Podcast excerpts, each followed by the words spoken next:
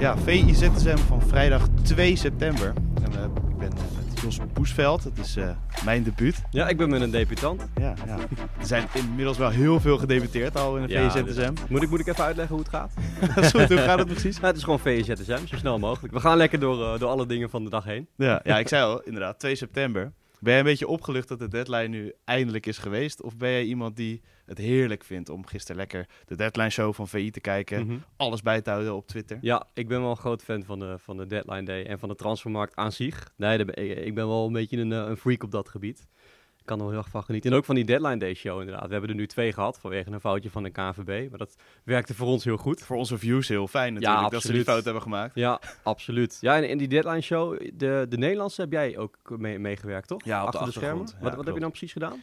Um, misschien. Ja, het is uh, gewoon de dingen die live eigenlijk in de uitzending binnenkomen of de nieuws van de verslaggevers. Want bijvoorbeeld Freek Jansen en Martijn die hadden deze microfoons mm -hmm. om weg te kunnen bij elk nieuws. Ja, met ja, zaakwaarnemers bellen worden, of ja. met de clubs of uh, onderling van uh, de verslaggevers. Maar ja, dan knip je wat clipjes los. Um, al het nieuws zeg maar wat voorbij komt meteen op Twitter, op Instagram of gewoon voor de website. Want de webredacteuren die maken dan meteen berichten ervan als er mm -hmm. iets gebeurde in de, in de deadline show. Oh ja, en er was er iemand anders die dan uh, die beelden schakelde bijvoorbeeld? Of was, was jij dat ook? Ja, nee, in de regie zat uh, Matthijs Vechter inderdaad. Oh ja. um, en uh, Stef presenteerde. En gisteren was het Matthijs die ja. presenteerde. En volgens mij was Jarno de, de regie. Ja. Dus er zit een heel team achter. Ja, achter, leuk. Die deadline show die af en toe een beetje chaotisch is. Maar ja, dat hoort ook bij. Ja, voor, voor, mij vinden mensen dat wel leuk. Dagen. Ik zie, ja. Als je, je kunt die comments altijd zo mooi live meelezen. En volgens mij vindt iedereen het wel interessant. Zeker. Ja, ik ook zeker. Ik heb lekker meegekeken. En, maar je bent geen transfer freak of zo? Ah. Je, je zou het ja, wel kunnen noemen. Ja, inderdaad. Ik heb mezelf net ook al een beetje een freak genoemd. Ja, nee, ik vind het wel lekker. Kijk, ik heb uh, beide dagen gewerkt in de ochtend op uh, de Nederlandse deadline day en de buitenlandse. Ja. En uh, ik mocht dan ja, lekker dat blog bijhouden en het overzicht van last minute transfers. Gaat de ja, tijd snel? Wel lekker. Ja, dan gaat het heel snel inderdaad. Dan is het opeens vier uur en dan kun je door.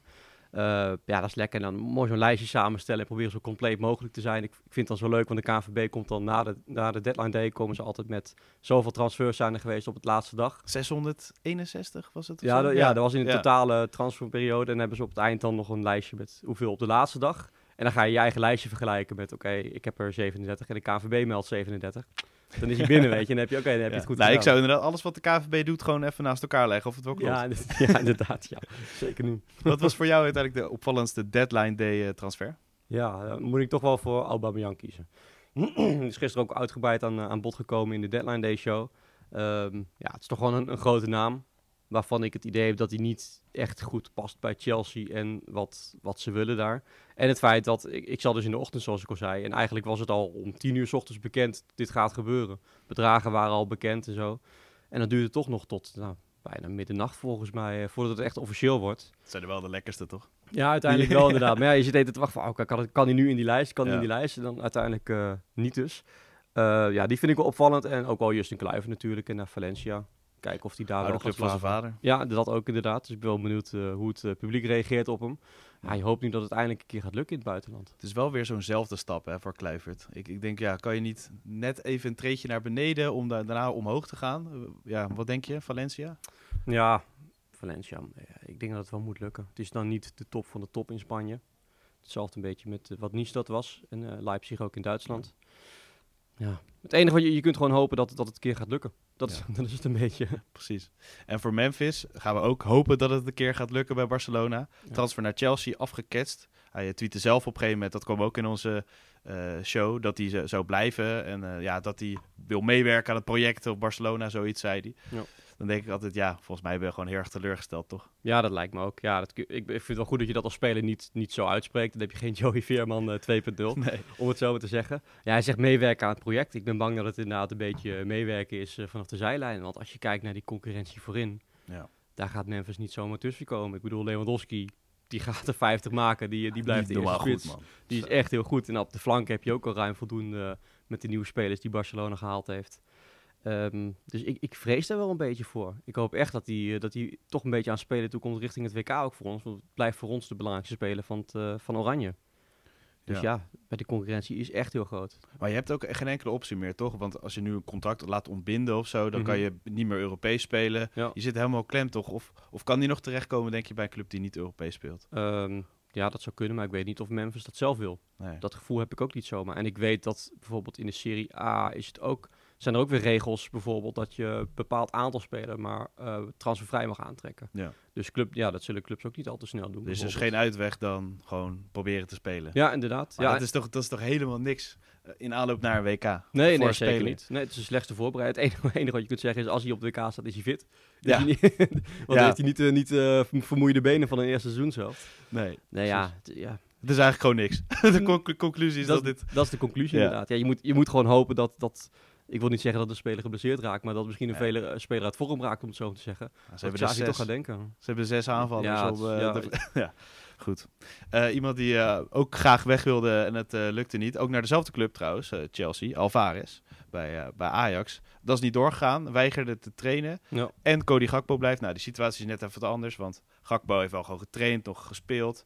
Dus die is weer geliefd bij de PSV-supporters nu. Ja. Maar Alvarez uh, ligt denk ik even wat anders bij de Ajax-supporters nu, hè? Ik had, was wel eigenlijk de laatste waarvan ik het verwacht had, weet je. Als je dan eh, ziet hoe hij in zich in het veld gedraagt en uh, daarbuiten, dan denk je echt van, oké, dat is een leider. Is ook de enige speler op middenveld die een beetje verdedigbaar is. Dus ook nog super belangrijk voor de club. Ja, dat is een nieuwe trend of zo bij Ajax. Ik weet niet hoe dat komt. Kudus. Ja, Kudus ook. En Anthony, natuurlijk. Ja, Kudus en, en Alvarez waren er niet succesvol mee. Dus misschien uh, is dat een trend doorbraak. Ja, ik snap dat wel. Als je dat ziet gebeuren en die transfers komen ook tot stand, mm dat je dan dat zelf ook gaat doen misschien. Ja, dat denk ik inderdaad ook. Het is natuurlijk ook een, een flinke verbetering, zeker voor Kudus. Die speelt niet zoveel. Alvarez, ja, die weet je gewoon, die kan volgend jaar ook nog gaan. Ja. Dus uh, dat begreep ik niet zo.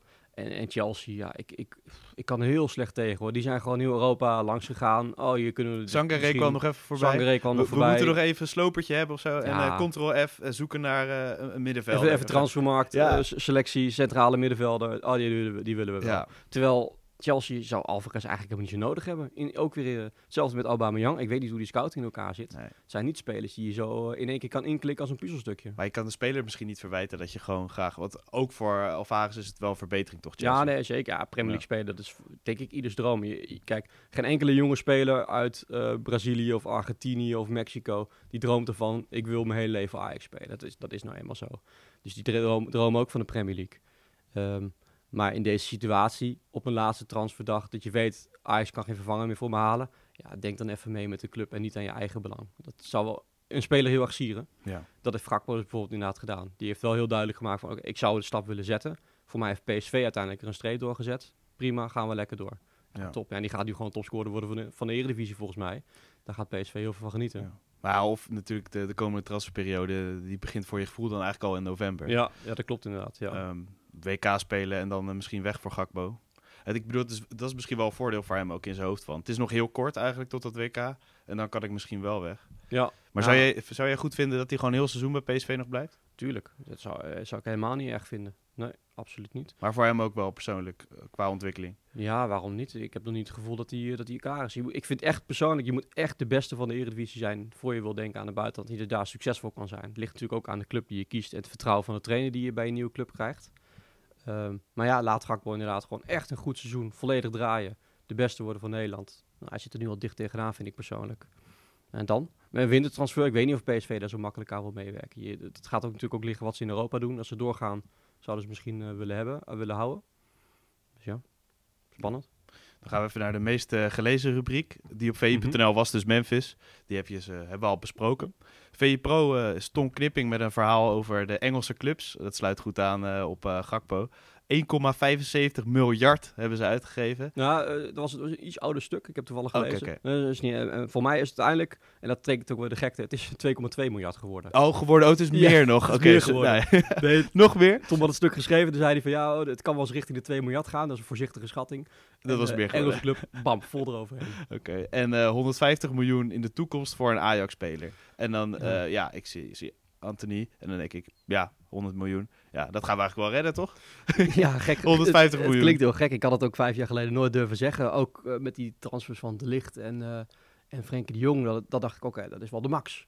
Maar dat we de drie cijfers aantikken voor de, voor de zes nullen had ik nooit verwacht. Uh, ja, wat een, wat een voordeel als een Engelse club zich meldt opeens. Hè. Dat ja. heeft Feyenoord denk ik nu ook meegemaakt. Die pakt meteen een recordtransfer met Sinistera. Als Leeds United zich meldt. Ja, 150 miljoen. Um, ik, ik, uh, Wie zou het kunnen zijn? Ja, Als we even filosoferen. Dan moet je echt gaan denken aan de top, top van de top. Manchester City, Manchester United. Maar kan speler van Ajax. Oh, zo bedoel je. Sorry, ja, ik dacht welke club. Nee, maakt niet uit, maakt niet uit. Ja, jeetje. En ja, dan heb je het wel over een aanvaller. Of, Ja, meestal wel inderdaad. Alhoewel ik Timber ook wel interessant vind. En, en je merkt dat verdedigers ook steeds meer ja. uh, Jammer dat hij geen linkervoet... Uh, ja, maar... daar worden, worden, ze nog populairder van. En, uh, ik, ik, had zoiets met, als je dan de licht ziet spelen, denk ik bij Ajax, dacht wow, dat gaan we nooit meer zien. En dan opeens Timmer, die komt eraan en die... Voetballen het misschien nog wel beter? Ja, dat wilde ik, ja, precies zeggen inderdaad. Hij is voetballen misschien nog wel beter. Dus denk ik, wow, inderdaad. Maar dan hangt het allemaal af van contractduur en welke club meldt zich. Ja, als een Duitse club zich meldt, ga je nooit die, die 150 aantikken. Nee. Ja, 100, misschien Bobby Taylor.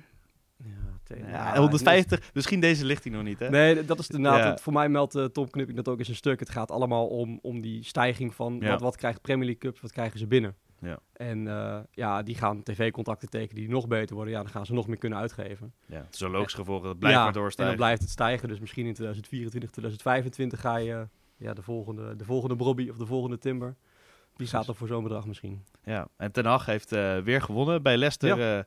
uh, 0-1. Uh, maakte ze indruk op je of was het gewoon st stabiel, soeverein? Het was stabiel, maar daardoor maakte je als indruk. Het, het, lijkt echt wel alsof het nu ook vooral verdedigend klopt het heel goed. Hè? Ik vond de, de, defensie vond ik echt heel sterk opereren met Martinez en Varane in het centrum.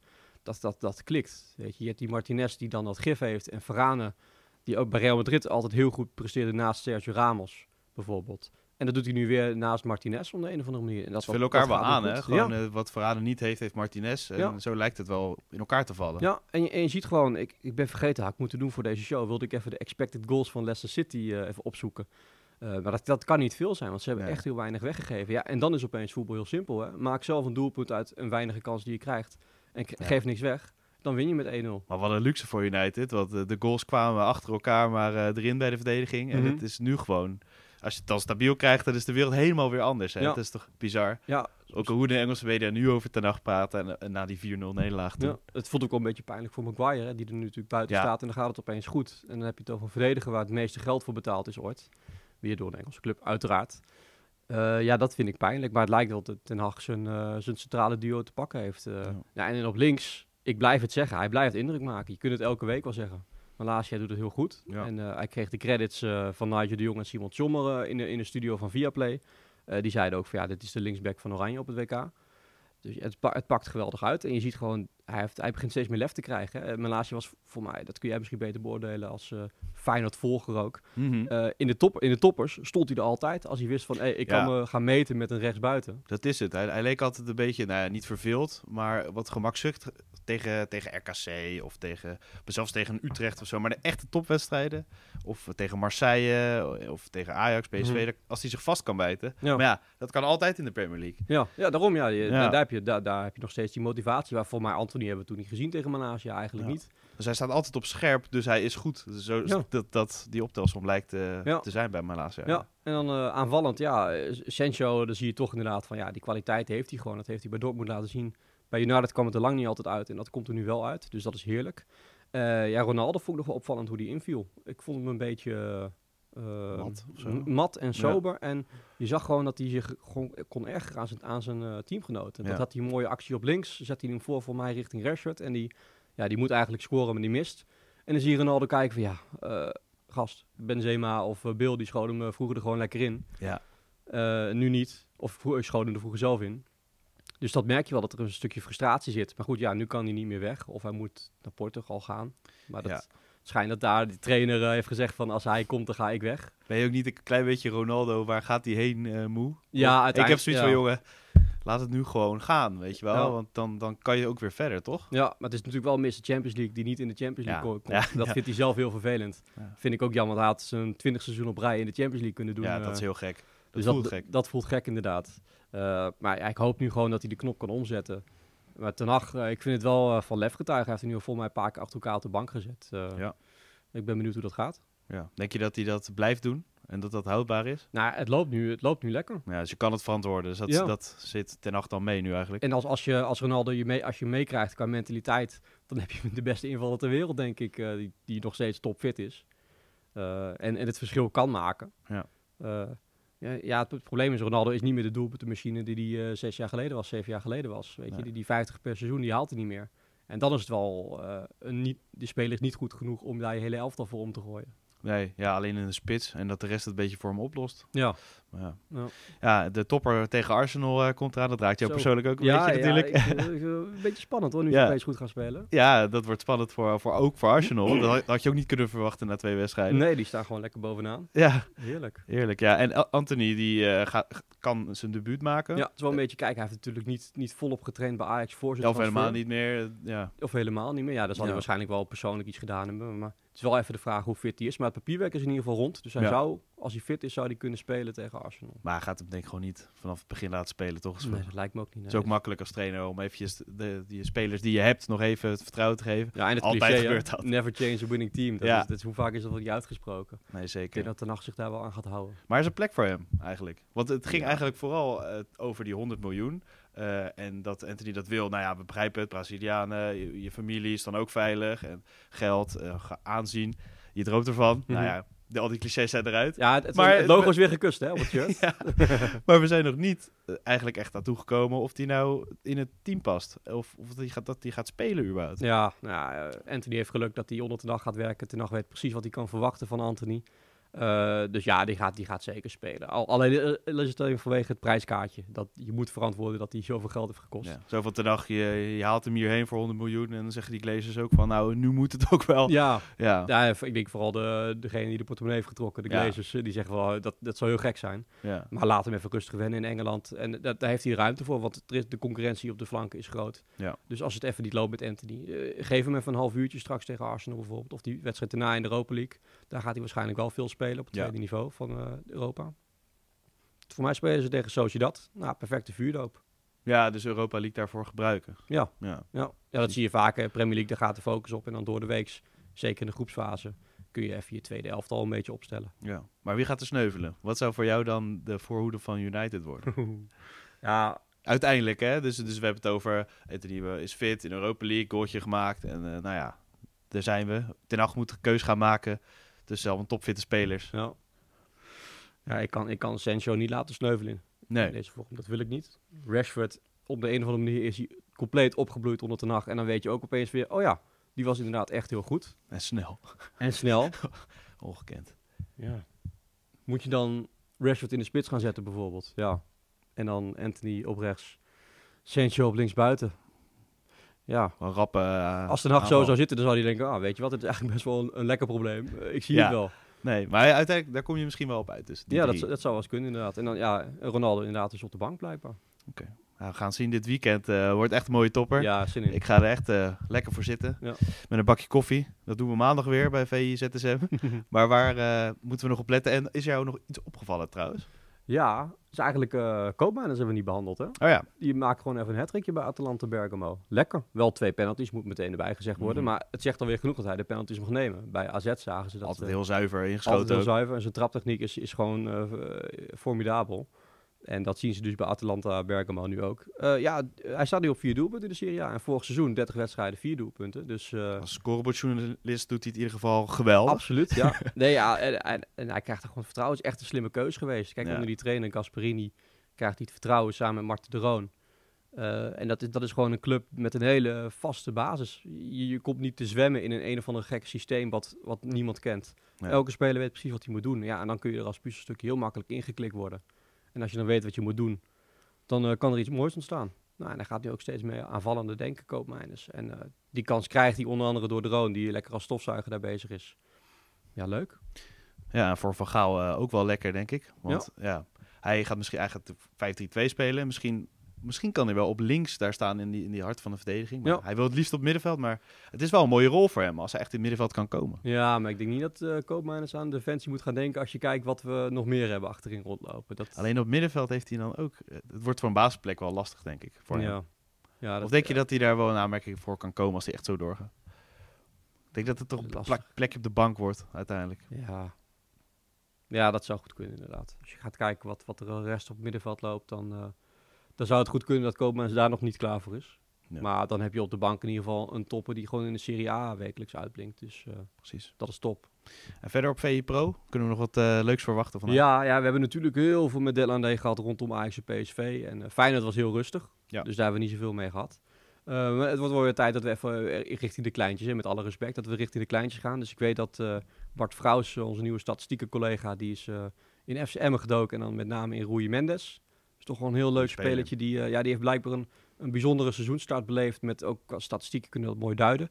En ik weet dat Reon, die kwam hier de redactie op, die zegt van ik ga even met die Ricardo Peppi of Pepi, die nieuwe aanwinst, de vervanger van Strand Larsen. Daar gaat hij voor mij mee spreken. Of in ieder geval komt er een stuk over hem. Dus daar kijk ik wel naar uit. Ik ben wel benieuwd. Dus die Pepi hoorde je grote verhalen over. Ja.